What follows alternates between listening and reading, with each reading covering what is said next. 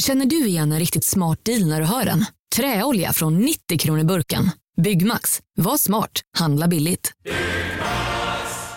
Välkommen till Unionen. Jo, jag undrar hur många semesterdagar jag har som projektanställd och vad gör jag om jag inte får något semestertillägg? Påverkar det inkomstförsäkringen? För jag har blivit varslad, till skillnad från min kollega som ofta kör teknik på möten och dessutom har högre lön trots samma tjänst. Vad gör jag nu? Okej, vi tar det från början. Jobbigt på jobbet. Som medlem i Unionen kan du alltid prata med våra rådgivare. Dåliga vibrationer är att skära av sig tummen i köket. Ja! Bra vibrationer är att du har en tumme till och kan scrolla vidare. Få bra vibrationer med Vimla. Mobiloperatören med Sveriges nöjdaste kunder enligt SKI. Hej och hjärtligt välkomna alla kära lyssnare till den här förträffliga kulturpodcasten Kulturbarnen avsnitt 32. Yes. Med mig Pontus de Wolf. Och med mig Ida Thirén. Ah, vad härligt att höra din röst. Välkomna. Det var allt för länge sedan. Ja. Välkomna! vad har du haft för dig? Hur mår du? Jag håller på att sjunga upp här nu. Skojar. Ja. Inför ja, avsnittet. Ja. Um, nej, nej. Jag satt faktiskt och sjöng jättemycket igår när jag satt och skrev. Mhm. Det var ganska, för jag är ju, hos mina föräldrar nu, de bor ju i villa och då kan man liksom då kom jag på, shit, man kan ju sjunga utan att någon hör. Ja, det är en av Ehm. alla fördelarna, verkligen. Ja, så jag passade på att ta tillfället akt och sjöng. Det är ju väldigt, eh, man mår ju väldigt bra av det. Man känner ju typ hur det är läkande för kroppen att släppa ut Absolut. sång. Ja, eh, jag tror många gånger att man eh, när man eh, lyssnar på musik att man tror att man sjunger själv. Liksom, Att det är en Ja. form av så här ehm, så fler borde testa det. För jag tror att det har en liksom så här trans, eh, att det, vad, vad säger man, en samverkan. Att man tror att man är den som sjunger. Alltså man sjunger med eller man bara lyssnar. Ja, sjunga med kan ju vara ännu skönare, Ja. men just att man så här liksom hör, ja, jag vet inte. Men det, det jag Jaha, vet är att det är liksom. välgörande i alla fall. Man mimar. Nej men just Ja. den här känslan av fysiskt sjunga, det är inte ofta jag gör det. För jag har ingen så jättebra sångröst. Men det var väldigt skönt att bara så här, åh, få ur sig de Ja. där ljuden. Det är ju liksom så, det faktiskt alla kulturer, olika varianter av det. Man har ju så här om i, liksom, Mm. i buddhismen och sen har man ju eh, jojk i Mm. svenska ursprungsbefolkningen, alltså samerna. Och, ja, det finns ju jättemånga kulturer, att man har, även i Sverige, forntida Sverige, alltså Ja. forntida Sverige, men Sverige innan industrialiseringen Mm. hade man också en slags sång som man höll på med och, och ropade för att man kunde ju inte få tag i folk annars om man inte ropade på dem. Nej, nej, nej. om man var ute med fåren eller någonting. Så det har ju funnits i nästan alla kulturer olika varianter av det här um, utlevande sången. Jag tror det är väldigt läkande för kropp och själ. Ja, faktiskt. och det, man kan ju hitta tillsammans med andra eller själv så här frekvenser i kroppen. Som, alltså vissa Mm. toner som, som får organen att verkligen vibrera. Så det kan bli väldigt, Exakt. Mm. väldigt beroendeframkallande också för folk att sjunga. Ja. Nej, jag ska försöka göra det lite mer. Jag har också tänkt lite grann på siffran 168. Jaha, Jag fick nämligen se att det är så många miljoner som eh, en person på Spotify tjänar varje år. ja, Och då var det ju den som tjänar mest i Sverige är ju då en av cheferna på Spotify som får en 168 miljoner om året. Då undrar man ju lite, vad 17 ska Gustav Söderström, 45 år, produktchef på Spotify med 168 miljoner krill om året? Vad ska Ja. du göra med pengarna Gustav? nej, men det kan man ju fråga sig. Men det är ju det är ju skönt att någon blir rik på musik. Eh, det är väldigt, väldigt riggat kan man säga. Ja, alltså tvåan på den här listan med Sveriges högsta löner är ju eh, han på Candy Crush och sen har vi trean igen, Spotify personalchef. Alltså, Ja. personalchef. Hur, s- alltså no offense, men hur svårt kan det vara? Katarina Sachinko, 104 miljoner. Ja. Alltså really, 104 miljoner om året. Och även nummer eh, vad det, nio, Alex, Alex Ming Nordström, 45 år, 68 miljoner chef på Spotify.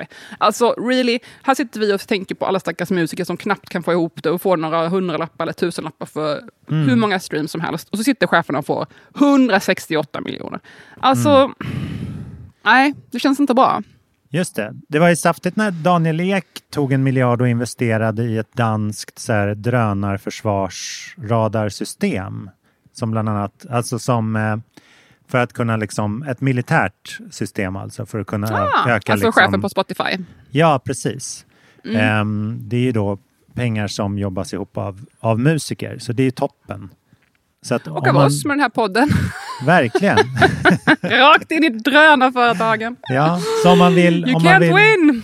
Nej, om man vill stödja eh, drön, drönarattacker i framtiden så kan man lyssna på den här podden. Mm.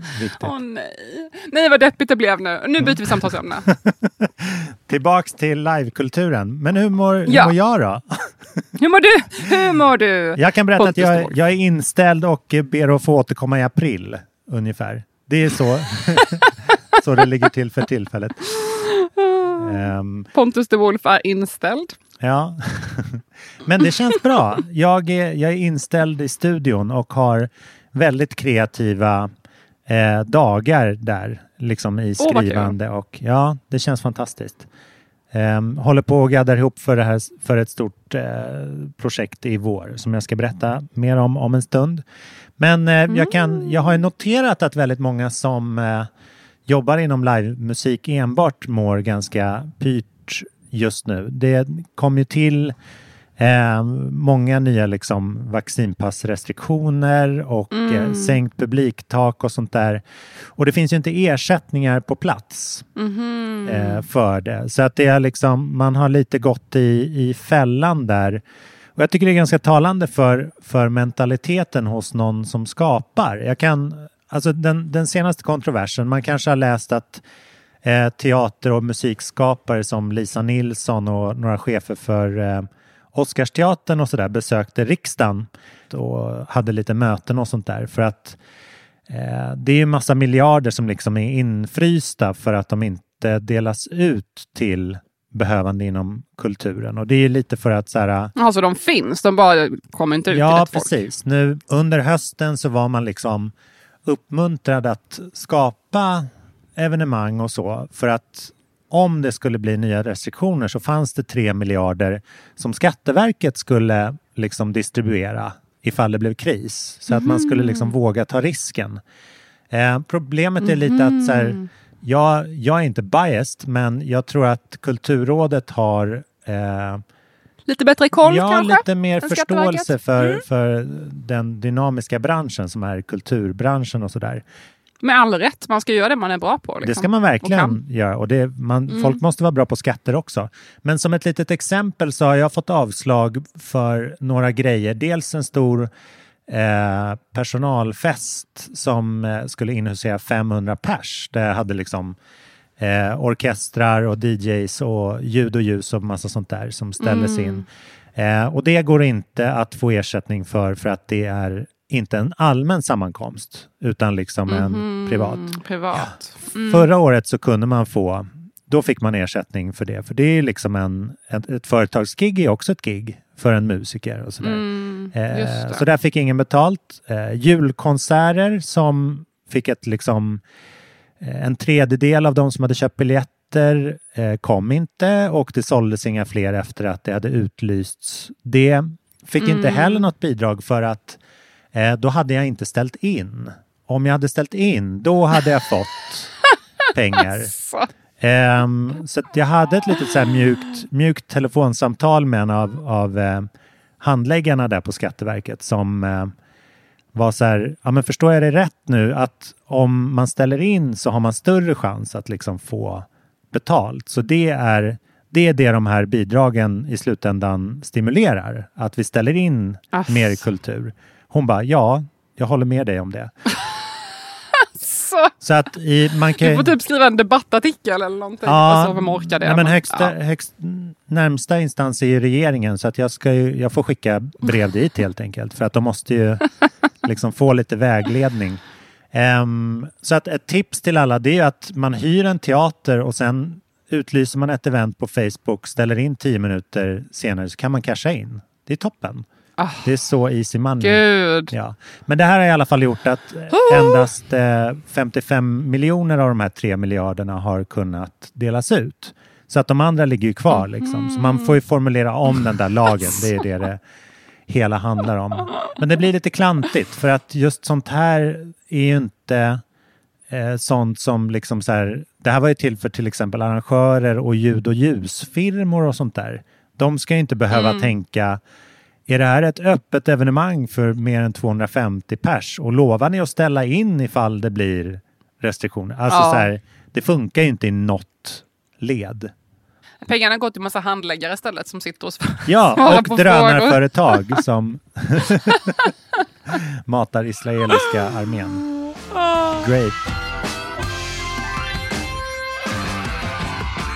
Men jag tänkte på en grej som du... Du sa ju en grej i något tidigare avsnitt om att många tappar lite lusten att skriva låtar när det inte finns någon publik att skriva till. Mm. Att man har inte det här utbytet på samma sätt. Nej. För nu i veckan kom ju min favoritartist Cat Powers nya skiva. Som Ja. är en coversskiva. Du tipsade mig om den och, Och- jag lyssnade. Ja, och den är ju hennes, jag tror det är hennes tredje coverskiva. En av hennes första skiva var The Covers Album, tror den heter, som är sån legendarisk från typ 2003 kanske. Mm. Men ehm, så hon har ju skrivit mycket covers förut, så det är inte första gången. Men det är rätt talande, talande att man gör covers nu, när man kanske inte har så mycket inspiration. Ja. Ehm, och även jag såg att Bonnie Prince Billy, en annan gammal favorit för mig, också ska släppa en skiva med covers. Ah. Eh, och jag har också pratat mycket i podden tidigare om Just Like That, eh, med alltså gamla Sex and the City som har fått en reboot. Mm. Jag har kollat på L-Word, den lesbiska tv-serien från när jag var typ 20, så den är ju säkert 15 år, minst 15 år, Mm. 20 år gammal, som har kommit i en ny version. Fast det var faktiskt lite innan pandemin, men nu heter den Generation Q. Mm. så är det liksom en reboot på, på L-Word med del samma kast, men också ny, nya människor, Ja. lite yngre. Um, så det känns som att man går och ältar, och så är det de här Matrix 3, 4, 5, Mm. Scream kommer ny. Det är liksom, det är lite samma, samma, samma, samma. Så att, ehm, mm, jag undrar hur länge det här kommer att hålla i sig, att vi bara matas med upprepningar. Ja, men gud vad intressant. För att det där var ju jag, det är samma här. Jag startade ut, alltså mitt jazzbolag har jag släppt 60 covers med de senaste två åren. För jag har inte haft ett dugg lust liksom att, eh, att eh, sjunga om, om att det kommer bli bättre snart. Liksom. Det tycker jag är så här, det var ett ämne som jättemånga låtar handlade om, typ våren, sommaren 2020. Så här, att vi, vi ser snart hörnet, liksom, där vi kommer Ja. Snart ses vi igen. eh, men jag börjar bli faktiskt jättenyfiken vad som kommer eh, rymmas liksom, i den här liksom, post, postpandemispråket. Vad kommer vi sjunga och, och skriva? Alltså teater och litteratur, det tror jag kommer hantera pandemin, börja göra det nu på ett lite annat sätt. Alltså gå in för det ganska mycket, men jag tror inte musik kommer handla om det. Så det är, det är faktiskt bland annat det jag ska åka till London för att fundera på. Och se vad de sysslar med där. För att liksom samla en vokabulär typ. Det är som folk brukar säga om pesten. Efter pesten kommer renässansen. Mm. Vad, kommer, vad kommer komma efter den här lilla pesten? Verkligen. Um, eh, det är ju januari nu och jag har tänkt en del på januari. Det är ju så här, folk, ett, folk är panka och två, många kör ju lite så här dry January. Alltså att man inte ska dricka alkohol, man Ah. får ta en vit månad. Ja. Eh, och det passar ju också då bra med att det är mycket restriktioner. Man kanske inte kan gå ut lika mycket, barerna stänger 23 igen. Mm. Eh, man får vara mindre folk runt borden, så det är liksom mindre fest. Eh, Det är mer eh, spara pengar, sitta hemma, lyssna på podcast. Vi har ju märkt jättestor skillnad i alla nya lyssnare. Välkomna! Ja, alla nya vad lyssnare. roligt. Kul att ni, och, och mycket interaktion från läsare som skriver till oss och folk som har börjat lyssna bakåt och från början. Och, Ja, vi är superglada. Eh, Men jag tänkte på två saker angående det här. Dels, jag skrev en artikel för ganska många år sedan, kanske fem år sedan, som handlade om eh, patriarkatet och alkohol. Ja, Bear with me. Ja. Bli inte, trå- bli inte uttråkad än. Um, nej, men det finns ju, har funnits en länge en så här myt, typ med Sex and the City till exempel. Att man har så här, åh, tjejer ska dricka drinkar och Metropol- vad heter det, Cosmopolitan och det är coolt att sitta ute och dricka drinkar med sina kompisar och happy hour Mm. och sexigt. Och det var ju, det finns, jag tror till och med att jag har hört att, jag vet inte om det stämmer, men jag har hört att det fanns alkoholbolag som ville sponsra Sex and the City för att de skulle ha den här eh, alkoholvurmen som ju ändå serien är ju typ en slags alkoholreklam nästan. Man vill ju dricka alkohol när man kollar på den. Mm. Allting är ju att de sitter och dricker och super fast de är, hur orkar de liksom? Ja.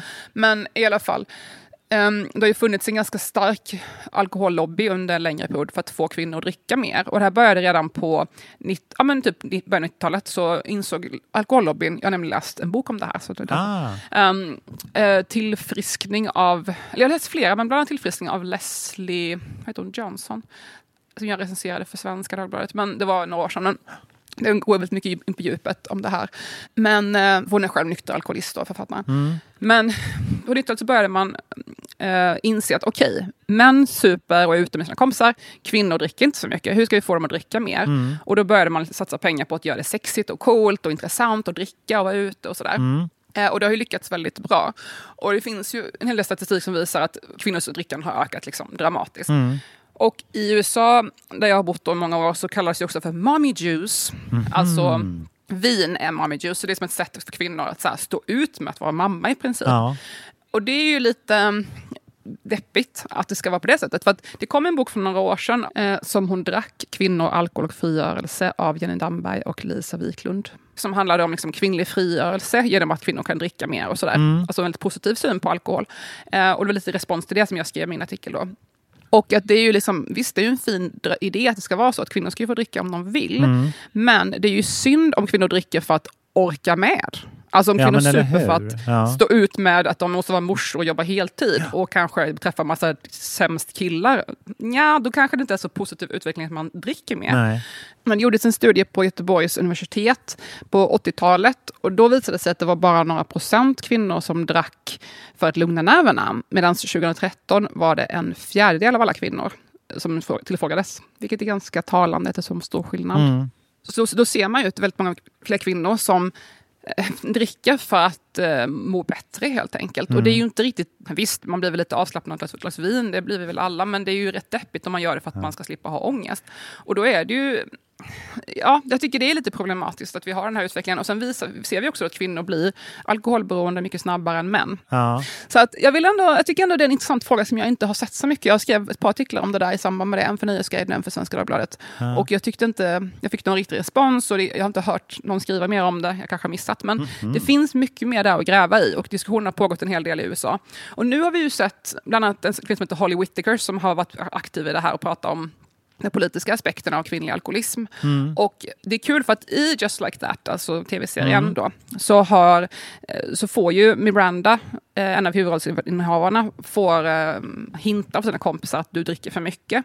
Och det är lite kul då, anspelning på att de har supit genom hela 90-talet i Sex and the City. Och man tycker lite så här, förr eller senare borde ju någon få ett problem. Och nu blir det Miranda då som hon bara, "Ah, men alla har druckit så mycket under pandemin och jag bara fortsatte. Och alla bara, mm, du dricker för mycket Miranda.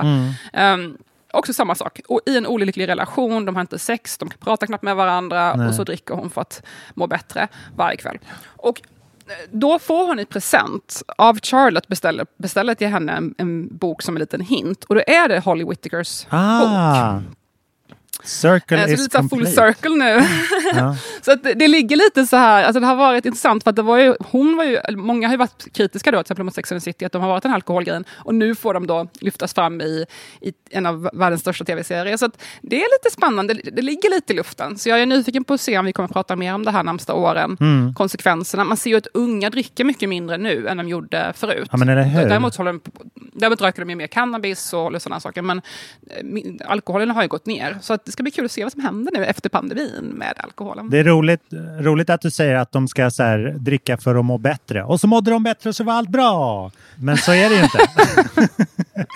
Men det är, också, det är också roligt i eh, att med Mirandas eh, tilltagande alkoholproblem så kan de ju inte riktigt berätta det på något. Hon, hon går ju runt med så här små flygplans hotellflaskor i sin backpack. Just det. Att, att det är fortfarande så här, det är ett väldigt klurigt och konstigt alkoholproblem. Eller liksom man tar sig en liten hutt så här. Det var det som var så tog sånt realistiskt grepp om, i alla fall i Sverige på 90-talet, det var ju bag-in-boxen. Och liksom det här, Ja, det här att det var precis. så praktiskt att dricka typ. Att det är så här, Man kan ha det stående hemma och så oj, ta ett glas här och så oj, ta ett glas där, laga mat. Ja, och det, det syns inte att det blir mindre och mindre heller. Så det, är inte, det finns inte en mängd Just att det. prata om. Mm. Utan det är liksom... Ja, nej men det, man kan ta bort hela det så här... Det fanns inte de här barriärerna att man måste vara hårdnackad eller tuff för att dricka mycket. För det syns inte hur mycket du har druckit. Liksom. Utan det Och sen blev det lite, så blev det lite billigare också att köpa alkohol. verkligen. Och eh, nej men gud vad intressant. Det tycker jag man kan lära sig mer av. Jag slutade dricka i, var det tre år jag slutade, eller var det mer? Eh, för jag mådde så dåligt efter ja, men separation med min dotters pappa. Och Mm. Inte på grund av separationen, men på grund av allt som jag tvingades dela med i mig själv. Ja. Alla saker jag hade hållit undan som jag fick tvungen att ta tag i.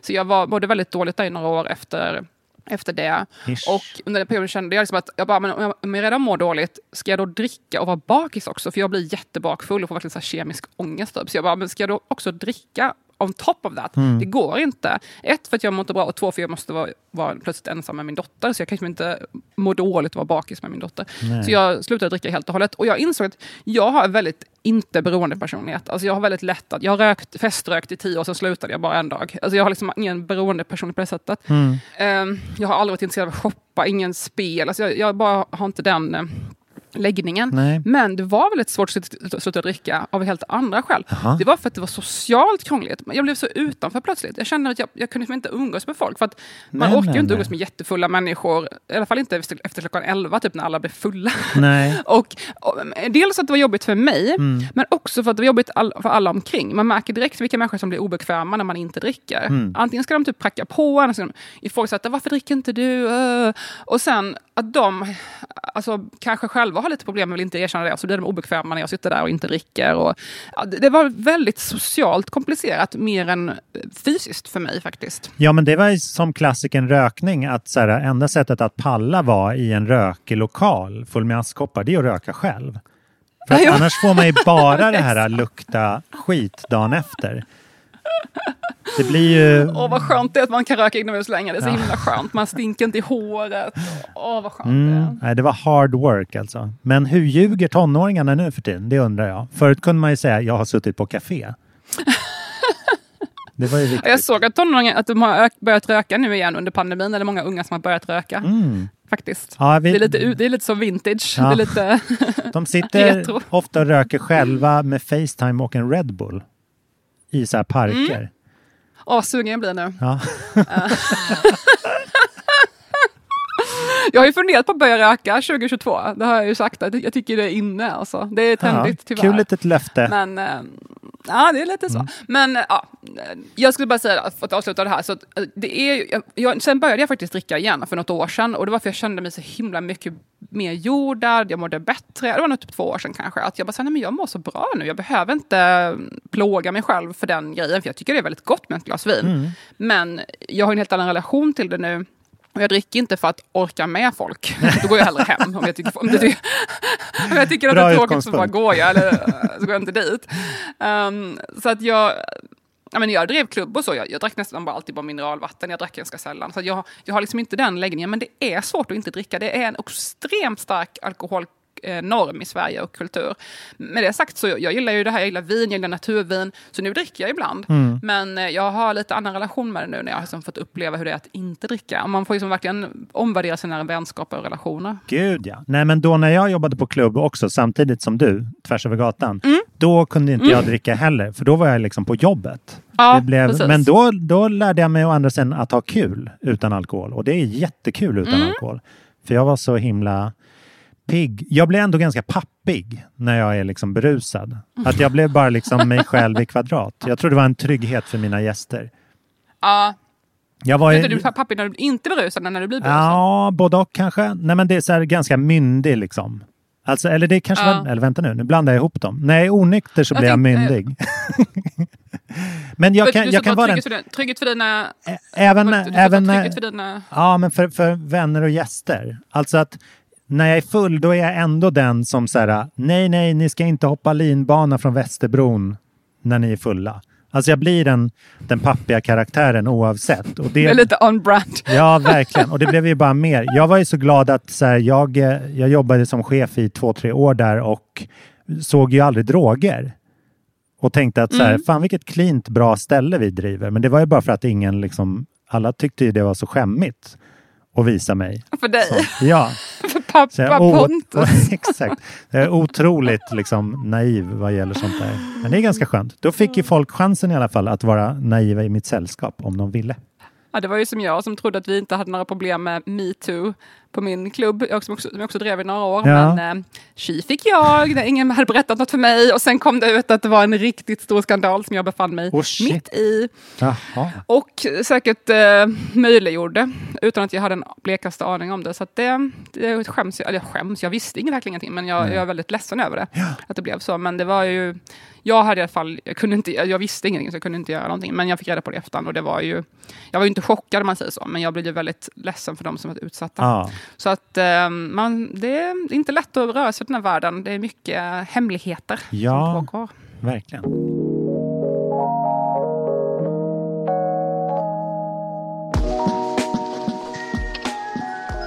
Apropå sådana där liksom självbedövande, självförstörande saker så har jag kollat lite på eh, den här serien Dopesick. Har du sett den? Nej, det har jag inte.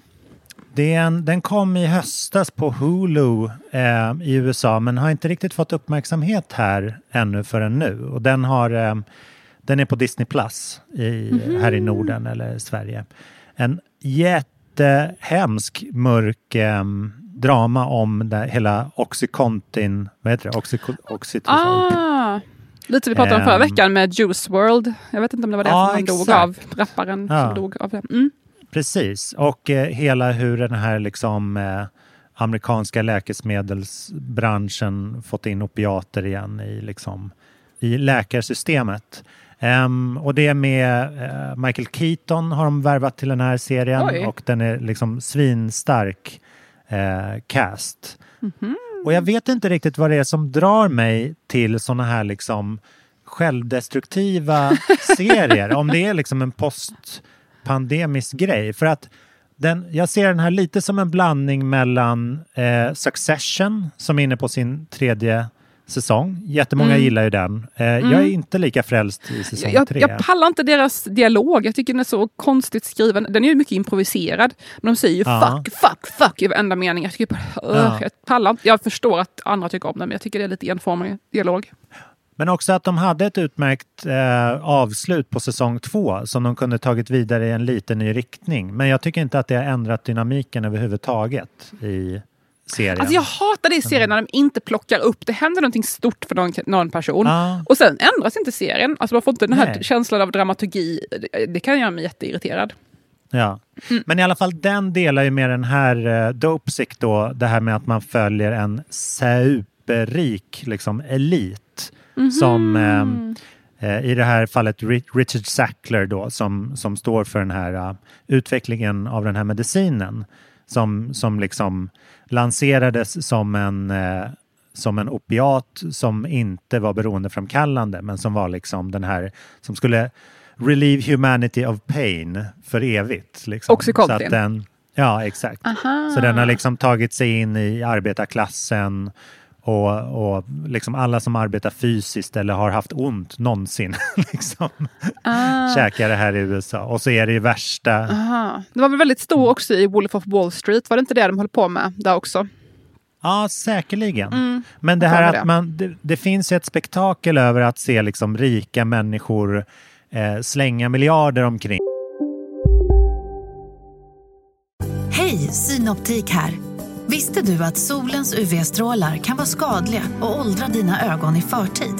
Kom in till oss så hjälper vi dig att hitta rätt solglasögon som skyddar dina ögon. Välkommen till Synoptik. Ja, Hallå? Pizzeria Grandiosa? Jag vill ha en Grandiosa capriciosa och en pepperoni. något mer? Med kaffefilter. Ja, Okej, ses samma. Grandiosa, hela Sveriges hempizza. Den med mycket på. Just nu till alla hemmafixare som gillar julast låga priser. En slangvinda från Gardena på 20 meter för vattentäta 499 kronor. Inget kan stoppa dig nu.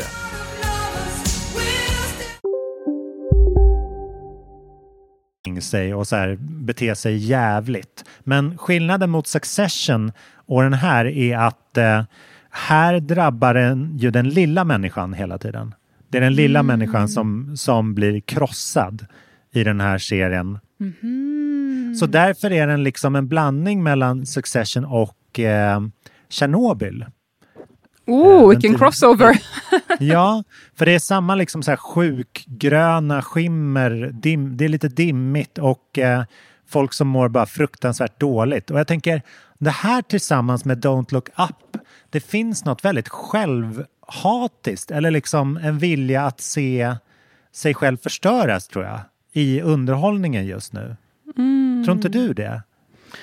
Ja. Som liksom kan vara en så här postpandemi, att man vill känna någonting jättemycket. Just det. Eller att man verkligen, alla, på, på något sätt så befinner sig alla i en liksom vård eller vårdande situation nu. Så man behöver liksom känna igen sig i saker som är riktigt jävla mörkt och gör jätteont. Eller tänka på att någon, någon har det sämre än man själv. Ja, exakt. Men det är liksom, det, det går inte att visa en vanlig komedi går ju asdåligt till exempel. På liksom Jaha. eh, inom olika medier. Så att det, Är det det är liksom, ja, Succession är i det, närm, det närmsta en komedi man kommer.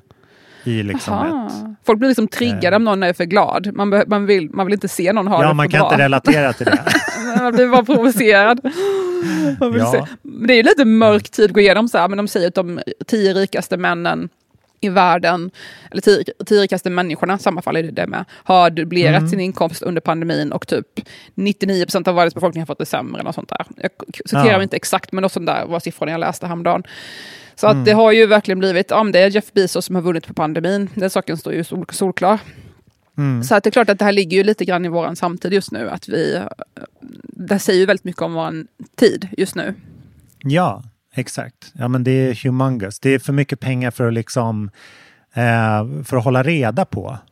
Men då måste man ju ha Egentligen. 168 miljoner för om Jeff Bezos har så här många miljarder, då är 168, 168 miljoner ingenting. Det är, så- det är Ja. så de här människorna resonerar, som tjänar väldigt mycket pengar. Man tittar på den som är över en Mm. själv. Men vad då? i USA tjänar alla så här mycket, ska inte jag få lika mycket som den här personen? Ja, det här är ett amerikanskt bolag, då ska de... Uh. Liksom, Mm. Alla har en ursäkt. Ja. Ehm, för att det är alltid någon som har två privatplan.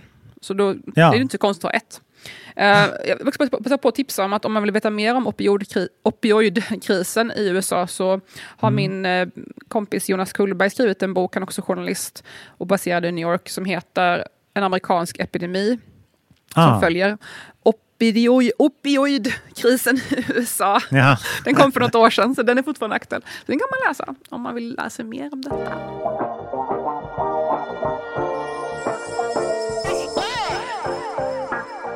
Jag eh, satt och kom upp på Facebook en sån här gammal eh, Facebook-status jag skrivit för kanske tio år sedan och då stod det så här. Om man inte vet vad en kille heter kan man alltid gissa på Johan. Ah, Hade jag skrivit. smart. Eh, och så tänkte jag, hmm, hur aktuell är den här spaningen? Mm. Nej, inte speciellt aktuell. Vem Nej. känner man som heter Johan som inte är född på 80-talet?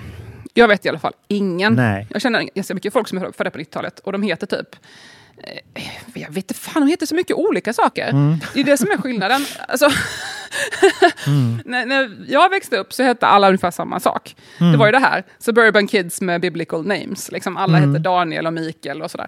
Men nu heter ju alla allt möjligt. 90-talet, mycket större variation. 00-talet, alltså just det konstiga desto bättre. Ja. Nu ska vi få en 00-talet, fortfarande känsligt för Disney. Alltså det var ju mycket Olof, Ah. Sven, Elsa, den här liksom, Kevin, ja, gud ja. nej det kanske försvann. Kevin kanske försvann.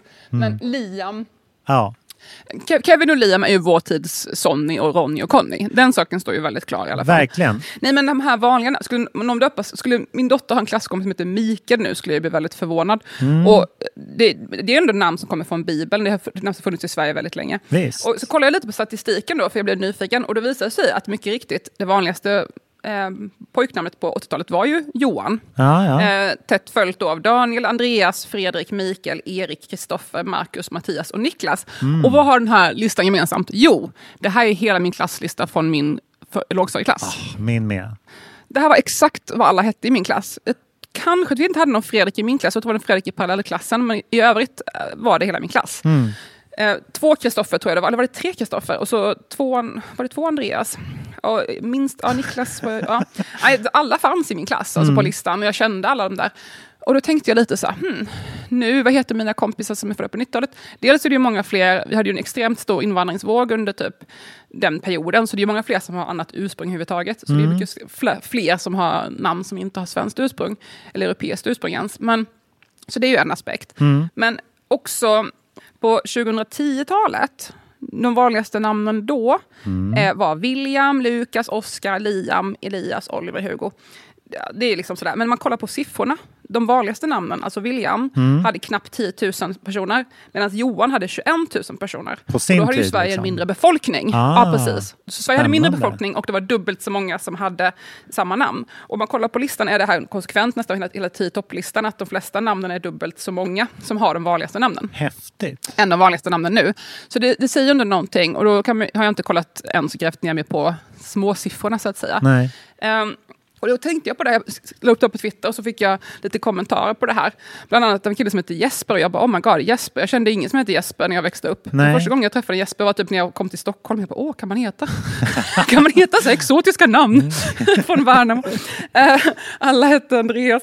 Men, ehm, och då konstaterade han också, att, jag fick en kommentar, så att det var ju verkligen en nyhet på den tiden när det kom något exotiskt namn. Typ Mm. när Gwyneth Paltrow döpte sitt barn till Apple. Alla fick ju liksom en psykos. Ja. Och samma med Brooklyn, det var ju eh, Beckham eh, Mm. som döpte till det och alla bara åh Brooklyn kan man heta det? Månfare, det var ju Lena Ja. PHs barn. Alltså det var ju så här jättekonstigt och nu blir man nästan chockad om någon skulle heta Mikael och Anna. Det skulle ju vara jätte, jättekonstigt. Ja. Nej, men man ser det ju lite som en tatuering. Att det är så här, det, it's now or never. Nu ska jag ta liksom drämma till med ett toppennamn här. Jo, men det, jag vet inte. Det är så intressant det, för att också när alla skulle heta Li eller Lo. Ja. Lyra, Li, Mina Lo. Heter inte ditt barn eh, Flynn, eh, ja, Li eller Ja, Lo? eller? en, enstavigt på L. Han är den generationen. Men eh, ni missade lite chansen att döpa din son till Lynn Lo. Lynn Lo. Ja, Ja, det det, hade ju det kunnat där. passa in i trenden menar jag. Nej, jag ska. Ja. Nej, men, Men han eh, heter Lynn eh, alltså- Bo. Visste du det? Han heter Bo. Han heter Lynn Bo. Ja, men det där är så Ja. trendigt. Nej, men alltså, eh, jag tycker bara det är intressant. Och när jag bodde i Brooklyn då var det ju verkligen mycket sådär. Alltså jag tror, jag kan inte svära, jag kanske var önskehörande. Mm. Men jag tyckte en gång att jag hörde på lekplatsen en förälder som ropade Marx! Ah. Alltså Marx, jag tror inte den hette det, men jag, jag drömde lite. Jag bara, oh my god vad kul det var ifall de döpte sitt barn till Marx. Ja. Eh, och liksom Kale, typ så. Mm. Alltså grönkål. Nej men det känns som att de här namnen är... Man blir ju mindre förvånad av Marx än jag skulle blivit av Mikael. Ja, Alltså så. absolut. Eller Michael.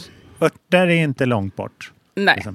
Och då kan man ju Sage. fundera lite på Sage, absolut. Sage, definitivt. Mm. Och nu är det jättemycket. Min dotter heter ju Jane. Och det var kul, för det, var, det är ett väldigt vanligt namn på ett sätt. Alltså det är sådana namn man använder för att stava, typ så här, Jay, Jane. Alltså, Mm. På engelska är det ju det, det. vanligaste namnet. Jane Doe är ju liksom när man är utan namn. Ja, alltså, om du fyller i. Motsvarande John Doe då. Exakt, John Doe, Jane Doe är liksom, vad ska man säga, namnet som inte finns. Ja. Hur ska man beskriva det? Ehm, när man ska skriva ett namn och inte vet vad det är för namn. typ. Precis. precis. Ehm, men samtidigt så heter ju ingen det längre. Det har inte kommit tillbaka än. Det är lite som typ Gunilla, Mm. ehm, som, eh, poe- som poeten Anna Axfors dotter heter bland annat. Kan jag tipsa om, det kommer säkert komma snart. Men Gulligt. eh, Jane är ju lite amerikanska Gunilla, man säger. Det har ju inte kommit än, men det kommer ju komma om tio år typ. Mm. Så att i USA så var det alltså, oj, hon heter Jane, vilket självklart namn, fast ingen heter det. Ja, spännande. Så det, jag är väldigt nöjd med det namnet för att liksom, det prickade in, det är inte svårt att stava det, Nej. men ingen heter det. Liksom. Jag träffade en annan Jane på hela tiden jag var där. Och här berättar det ju väldigt tydlig historia om att det finns en, en bakgrund liksom i ett engelskspråkigt land på något sätt. Ja, men det är nog inte konstigt så. Folk reagerar ju Nej, inte. Liksom. Åh, vad konstigt namn. Eh, Så det, alltså det, det var lite en sån uh, mitt i prick. Mm. Men, eh, så det är jag nöjd med. Men ja, man undrar lite. Och, och eh, Lynn är också ett väldigt bra namn på det sättet. Alltså det är också lite, amer- lite engelsktalande fast ändå lätt stavat, eller vad man ska säga. Ja, men Din precis. sons namn. Ja, det var ett vanligare killnamn för än tjejnamn. Mm. Så det svänger lite. Det svänger om det där namnet. Han han heter ju också Ja. Hansel från Zoolander. för att vi tänkte why not? So hot right now. Why not? so hot!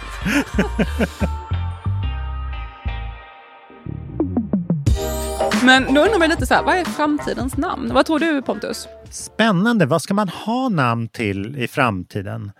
Jag tror att man tänker ju i, eh, i högre grad eh, efter vad som blir ett bra användarnamn.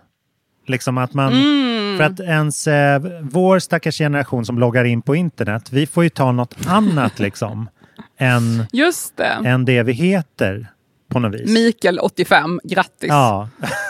Mm. Så att det, jag tror liksom någon, att man kommer försöka merga det med det eventuellt. Alltså något som så här, bara, nej det där blir för långt användarnamn. Så tror jag folk kommer tänka. Det såg man ju på Elon Musk och Grimes, sångaren Grimes eh, barn som heter typ så här 1, 2, 3, 4, 5. Alltså de har typ en ekvation. Ja. Mm, det är ju en väldigt bra användarnamn som kan lätt känna igen. Men eh, vi pratade om det här väldigt tidigt i podden, eh, som säkert många nya lyssnare inte har hört, men om min spaning att de flesta som är födda efter mig, alltså på 90-talet, de använder sitt årtal de är födda för att presentera sin ålder. Men jag säger min ålder så säger de jag är 92, jag är 97 mm. um, och så vidare. 01. Man bara okej, okay, vänta lite, vad är det? 21, 22? Ja, ah, du är 21. Mm. Säg det då. Varför säger du inte bara att du är 21? Mm. Um, och vi avhandlade det här tidigt i podden och jag kan ju upprepa då för de som inte har hört det att vi landade väl ganska mycket i att vi tänkte att det kunde vara att uh, många av dem är uppväxta med digital tid när man kanske ofta har ett användarnamn som är ens ålder eller man loggar in på grejer. Då är det så här ja. 90, 12, bla bla bla. Medan jag typ aldrig använde dem, mitt årtal, mitt födelseårtal till någonting egentligen när jag växte upp. Nej men precis. Plus att det, jag tror det är mycket lättare att räkna om man utgår från noll. Så att det där tror jag kommer avta när det blir född, jag är 22 Det kommer liksom folk inte säga. 43 Det kommer folk lägga ner. Tror du verkligen det? Ja, det tror jag. Alltså ju mer... 92 är lättare, liksom att det är närmare 100 typ så. Ja men det, det är ja. samma teori. Jag står för det. Att det är så här, minus, alltså, aha, 20 minus 8, minus 8 ja, 28. Mm. Alltså, eller, jag tycker det är otroligt förvirrande. Om jag frågar någons ålder vill jag veta en siffra på två nummer, inte någon slags årtal. Nej, Tack. verkligen. Men jag, jag är snarare att jag kommer börja säga så här, jag fyller 41 om några veckor. Jag kommer börja säga så här, 42 minus pandemi. Alltså att de inte räknas. För att det är liksom, ja, ja, ja, men vi fattar. Det var år som man inte gjorde någonting på. De gills inte. Du ska inte behöva känna dig äldre bara för att bara för att du har gått igenom en pandemi. Det har vi väl alla. Jorden har snurrat ett varv. Ja. Det är en skitbra grej. Jag såg även den här gamla filmen Aliens um, James Cameron-rullen, alltså Alien 2. Mm -hmm. Har du sett den? Ja, inte sådär på senare i alla fall. jag minns. Fantastisk actionrulle från uh, mitt, mm. mitten av 80-talet. Han gjorde den mellan sina Terminator-filmer. Och bara som bakgrundsinfo, så hur han pitchade den här filmen är genialiskt. För då hade ju Ridley Scott Precis. gjort den här filmen Alien om en alien. Eh, men han gick in på, med en whiteboardpenna och så skrev han Alien på whiteboarden. Och sen så skrev han till ett S som plural. Och folk bara okej. Okay. Och sen, håll i dig. Sen tog han pennan och skrev ett streck genom S som i dollar. Och då fick han jobbet. För att då, då skulle man liksom kunna sälja det här som en franchise. Men där i alla fall, det, den utspelar sig hundratals år framåt i tiden och då använder de fortfarande dollar. Men då, Oj. Då, då är det så här, ja, det här skeppet... Kom... Har inte hört talas om bitcoin eller? Ja, men eller hur. I, men då säger de så här, this ship is worth at least two million dollars. Så här. Om, om man bara så här, det var, men då är det i adjusted currency. Alltså att de har någon, någonstans har de insett att så här, och det som igår köpte så här Microsoft Activision, världens största tv-spelsbolag för så 78 miljarder dollar. Alltså nu, nu pratar vi i verkligheten. Och det är för mycket pengar för att ta in. Det är så här, ja, ja men okej, men varför inte 77,5 miljarder? Det är väl mycket nog? Eller liksom, man fattar ju mm. ingenting. Mm. De här siffrorna mm. är alldeles för bloated. Men om man, om man gjorde liksom en adjusted currency så skulle ju mil en mm. miljon börja betyda någonting igen. Och jag tror faktiskt att det var liksom en ganska stark mm. framtidsvision. För att vi har ju skippat ören och snart är en krona helt värdelös. Man gick mm. över till, man liksom, många länder bytte till euro för att det känns som att man gör av med mindre pengar med en euro än liksom mm. tio marker eller något sånt där. Men att man, eh, man snart måste göra det för att det liksom känns för dumt med de här dyra lägenheterna. Det blir så, eller dyra det blir så abstrakta, abstrakta siffror. Bara, jag fick eh, 5,1 eller 5,2 för min lägenhet låter ju som samma sak. Så ja. är det 100 000 emellan. Alltså 100 000 är ju jättemycket pengar. Ja, alltså, men exakt. Som helst. Då får man så här, jag, jag, beklagar att det inte blev så mycket. liksom, ja. Det är jävligt alltså, dumt språk.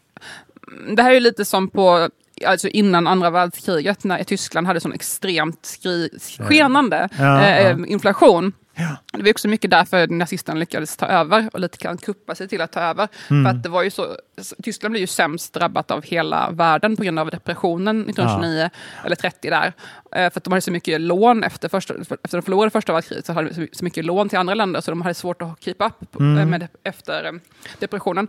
Så de hade ju sån extrem inflation. Ja, det var ju, det var ju en där som- låda cash mot en limpa. Typ. Ja, precis. Och då blev ju folk bara så här, tappade ju helt och var ett faktiskt kaos. Mm. Och det var då som nazisterna kunde kuppa. Så det kanske är ett demokrativerktyg att plocka ner eh, siffrorna lite grann. Ja. Skära bort nollorna för att få tillbaka... Människor kanske bara kan greppa vissa siffror som ändå är i våran naturliga värld. Alltså man kan ju säga Mm. ett träd, en Ja. miljard träd, det, vet, det har man aldrig sett. Det finns Nej. inte i vår naturliga uppfattning. Nej, verkligen. Så smart.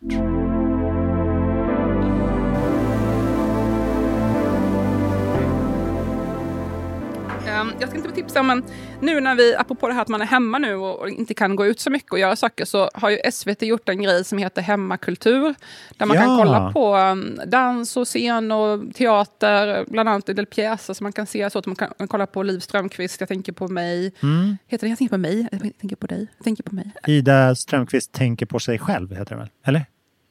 Ida Strömquist! Liv, Liv Strömqvist tänker på sig själv. Liv, Ja. liv, liv, liv. Mm. Eh, eh, på SVT och dikter, dans, konst, uh, Lapsi Lam kan man kolla på hennes konstverk. Ja, så att eh, det finns jättemycket man kan se på uh, hemmakultur på SVT, så det kan man ju tipsa om. Ja, det är helt grymt ju. Om man vill ha sig en liten dos. Ja, precis. Överlag så är det, det är många, många sådana här kanaler som liksom försöker hitta rätt i så här, musikcontent. Alltså många som vill Disney Plus och Netflix och SVT eh, lockar ju med konserter och eh, så här, eh, musikdokumentärer. Det är liksom en, det är en nisch av tittare som de man kanske hittar två oumbärliga dokumentärer per streamingtjänst och då måste man köpa alla streamingtjänster. Om man är liksom entusiast till det där. Just det. Mm. Och jag har även fått upp ögonen för en, en tjänst som heter Stax. Som samlar, som jag tror kostar 49 kronor per månad, som samlar eh, jättemånga konserter. Och eh, både nyinspelade, Aha. de ju kör ett samarbete med Lars Winnerbäck från en eh, konsertscen, kommer inte ihåg vilken det var.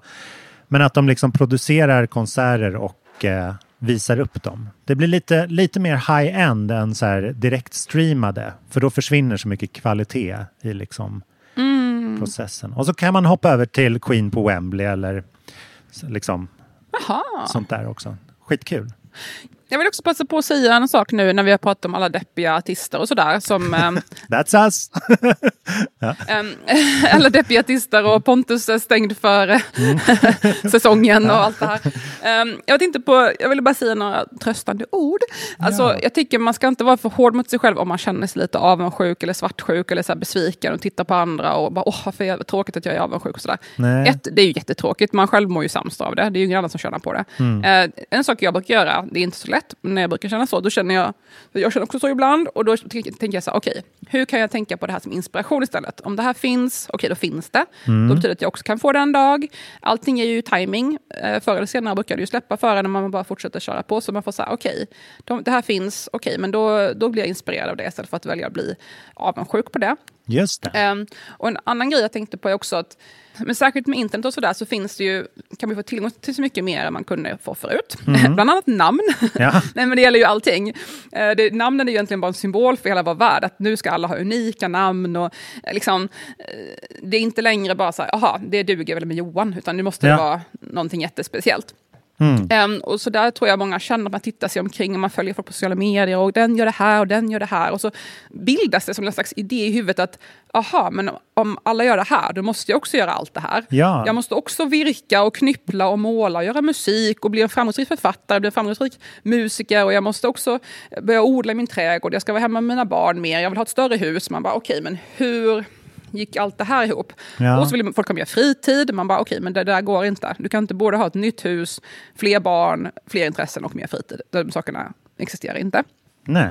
Så att jag tror att en viktig sak att tänka på när man sitter där och blir översvämmad av intryck från alla möjliga håll, är att tänka, vem är jag och vad vill jag? För jag tycker det är så lätt att man blir, jag ser det på så många andra också, att man liksom man pusslar ihop i huvudet. Tänker man, om alla de här sakerna görs, då måste jag göra alla de här sakerna. Mm. Men man får inte glömma bort att det är ju en person gör det här, en person gör det här. Ja, exakt. Jag är också bara en person, jag måste inte göra det som tio gör. Eh, så istället för att känna sig helt um, värdelös och jämföra sig med 20 personer så kan man ju ta ett steg tillbaka och fundera på vad, vad vill verkligen jag göra. Mm. Um, och i mitt fall då är det ju så att jag har gett mig fan på att jag ska bli författare och sen vet jag inte om jag kommer försörja mig på det eller inte. Det har jag aldrig riktigt trott, för jag kommer från Värnamo. Det är inte så många som försörjer sig som Mm. författare i Värnamo. Uh, men jag tänkte, okej, okay, jag får försörja mig på något sätt. Men det är det jag vill göra. Då måste jag bara fortsätta. Sätta mig varje dag och skriva. Det är Verkligen. inte så mycket... Det är bara att fortsätta. Alltså, visst, det verkar jättekul. Alla andra gör så intressanta saker, men jag kan ju inte hoppa på varje tåg, då kommer man ju inte någonstans. Det är som att Zlatan bara, ja, men jag vill också börja på med knyppling. Ja. Okej, men då kommer den här fotbollskarriären kanske inte... Eh, om man ska knyppla och måla akvarell och gå på MMA. Och det, det, till Ja. slut, någonting blir ju lidande till slut. Så att, jag vet inte, att man inte tappar tråden helt enkelt. Ja, eller som karaktären Richard Sackler i Dopesick säger när han möter tvivlare till det här Oxycontin. Då säger han You don't chase the market, you create it.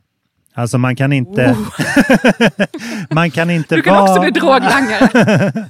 man kan inte vara avundsjuk liksom. För att då är man ute efter någon annan som redan gör det. Utan man Just måste man liksom nummer två. skapa sitt egna universum. Och det, måste, det är det som intresserar folk. Att så här, här är det någonting nytt. Med detta vill jag också, jag tycker det är jättebra att du tar upp det här. För jag vill verkligen revidera min, eh, min beskrivning av mig själv från förra avsnittet. Vi, vi Oh! introducerade Mm. och jag lyssnade om på det, för jag lyssnar om för att jag vill liksom vara Jag självkritisk. tycker det är jättekul att lyssna om. Ja. Ja, då gillar man ju det man gör också. Men, Mm. men jag tyckte att min presentation om mig själv var väldigt torr. Jag hade stängt av. Jag Okej. tror vi, vi, hade vi, miss, vi tappade 500 lyssnare minst där. Nej. Nej, men jag måste ju liksom framtona att jag är, jag är ju liksom...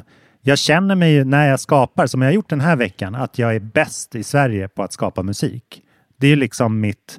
Jag är, Absolut. jag är helt, liksom, går upp helt i det skapandet. Det är ju inte liksom... Jag, jag fick det att låta ungefär som att jag liksom sitter av min tid, men det var inte meningen. Mm. Men att eh, jag tror, och det tror jag också att vi, så här, vi, så, vi kulturskapare så dumdristigt går in i en pandemi och skickar ut nya datum på liksom eh, föreställningar och konserter och sånt där. För att vi tror att vi är ofelbara liksom. Det går inte, det går inte misslyckas. Det är klart jag hyr ett ställe med 500 platser för att det finns ingen chans att det inte säljer ut. Det är liksom, alla tänker ju som jag. Men är det inte så Pontus, det tycker jag i alla fall att de håller på att skapa grejer, jag tror många känner så att man sitter där, ena stunden tänker man så oh my god, jag skrev just den bästa texten i världen, Ja. och så går man på trippar man och sen så två dagar senare läser man och man bara oh my god, jag är sämst, jag är sämst, Ja. jag är helt värdelös, jag är en fraud, sen så, ja, Mm. det går liksom upp och ner sådär, den där berg och dalbanan, det är liksom konstant. Mm. Totalt tvivel och totalt hybris. Och det är väl lite så man måste känna, det är väl en slags överlevnadsmekanism typ, att ens kropp bara okej, du måste få lite hybris ibland för att orka fortsätta, annars hade man ju bara gett upp om man hade en realistisk syn på det man gör. Ja. Man måste få lite så euforisk hybris, adrenalin och sen så, ah, fan håller jag på med? Och sen kör vi igen. Det är den bistra sanningen. Och apropå... Nej men det är väl kul! Ja, sanningen sanningen ligger väl någonstans mitt emellan liksom. Mm. Sanningen ligger väl mitt i, typ att man kanske inte är sämst och man är inte bäst. Man är väl där man är helt enkelt och det är väl helt okej. Ja, exakt. Bara, så länge man mäter sig med typ John Lennon så blir det bra. Det blir toppen. Rimliga förebilder. Zlatan, John Lennon, Bill Gates. Ja, men, John. Didion. Det är bara... Ja, precis. John. Det är det.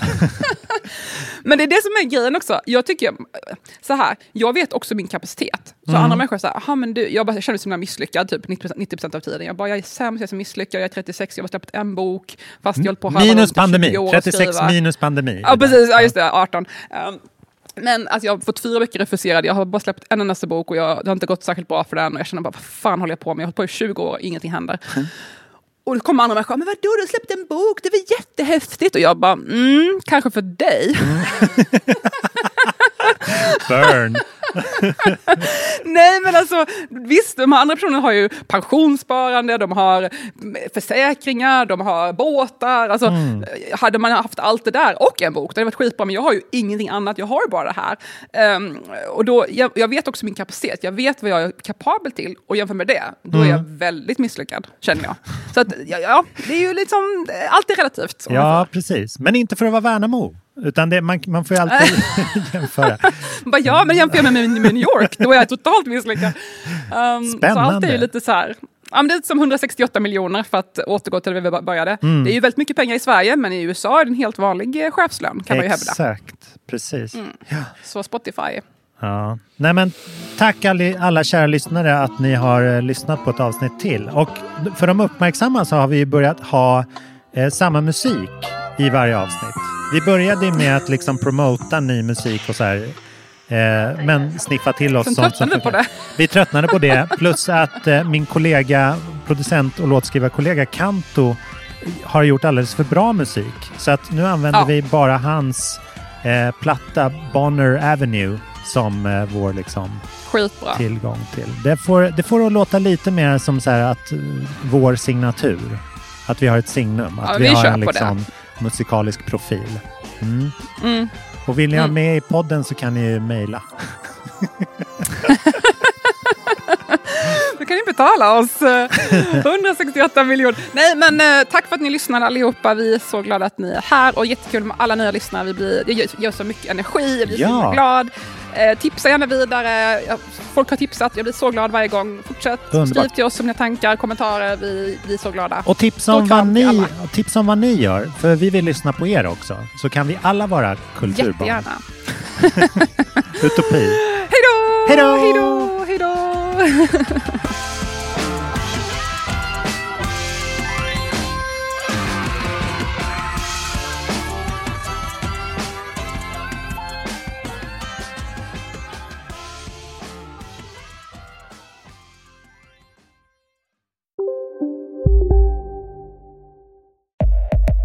Upptäck hyllade XPeng G9 och P7 hos Bilia.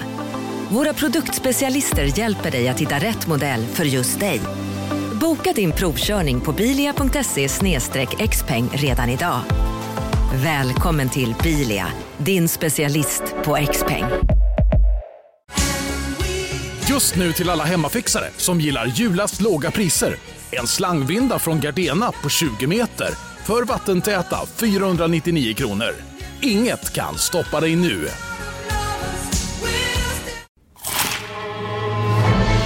Upptäck det vackra ljudet av McCrispy Company för endast 89 kronor. En riktigt krispig upplevelse.